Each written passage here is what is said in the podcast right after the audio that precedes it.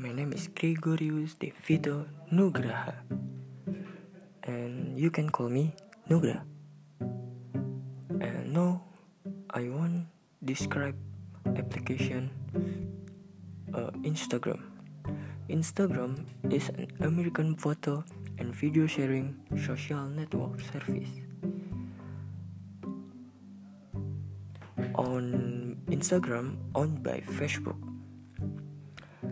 it was created by Kevin Systrom and Mike Krieger and launched in October 2010 exclusive on iOS and version for Android.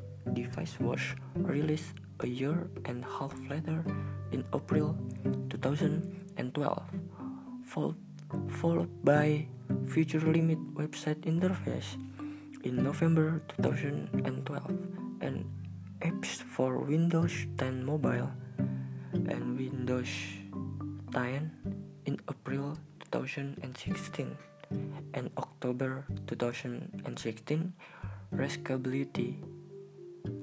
The apps allow users to upload photos and videos to the service which can be edited with various filters and organized with tag and location information and account post can be shared public or with pre-upload followers.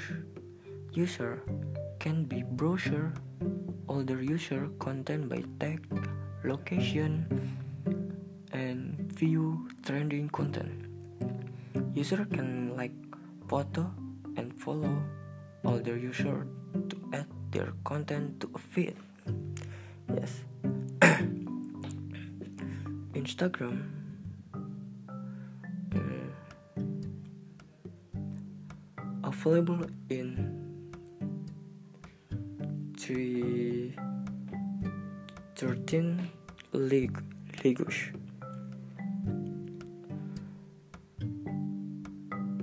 And Instagram size and in iOS very large, for Android doesn't very large. Yes.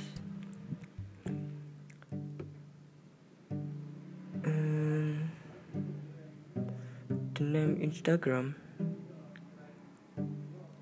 for name Instagram began development in San Francisco when Kevin Systrom and Mike Krieger chose to focus their multi-feature HTML 5 check-in project Burbn on mobile photography as reason Burbn became too similar to Foursquare and both resided that it had gone far.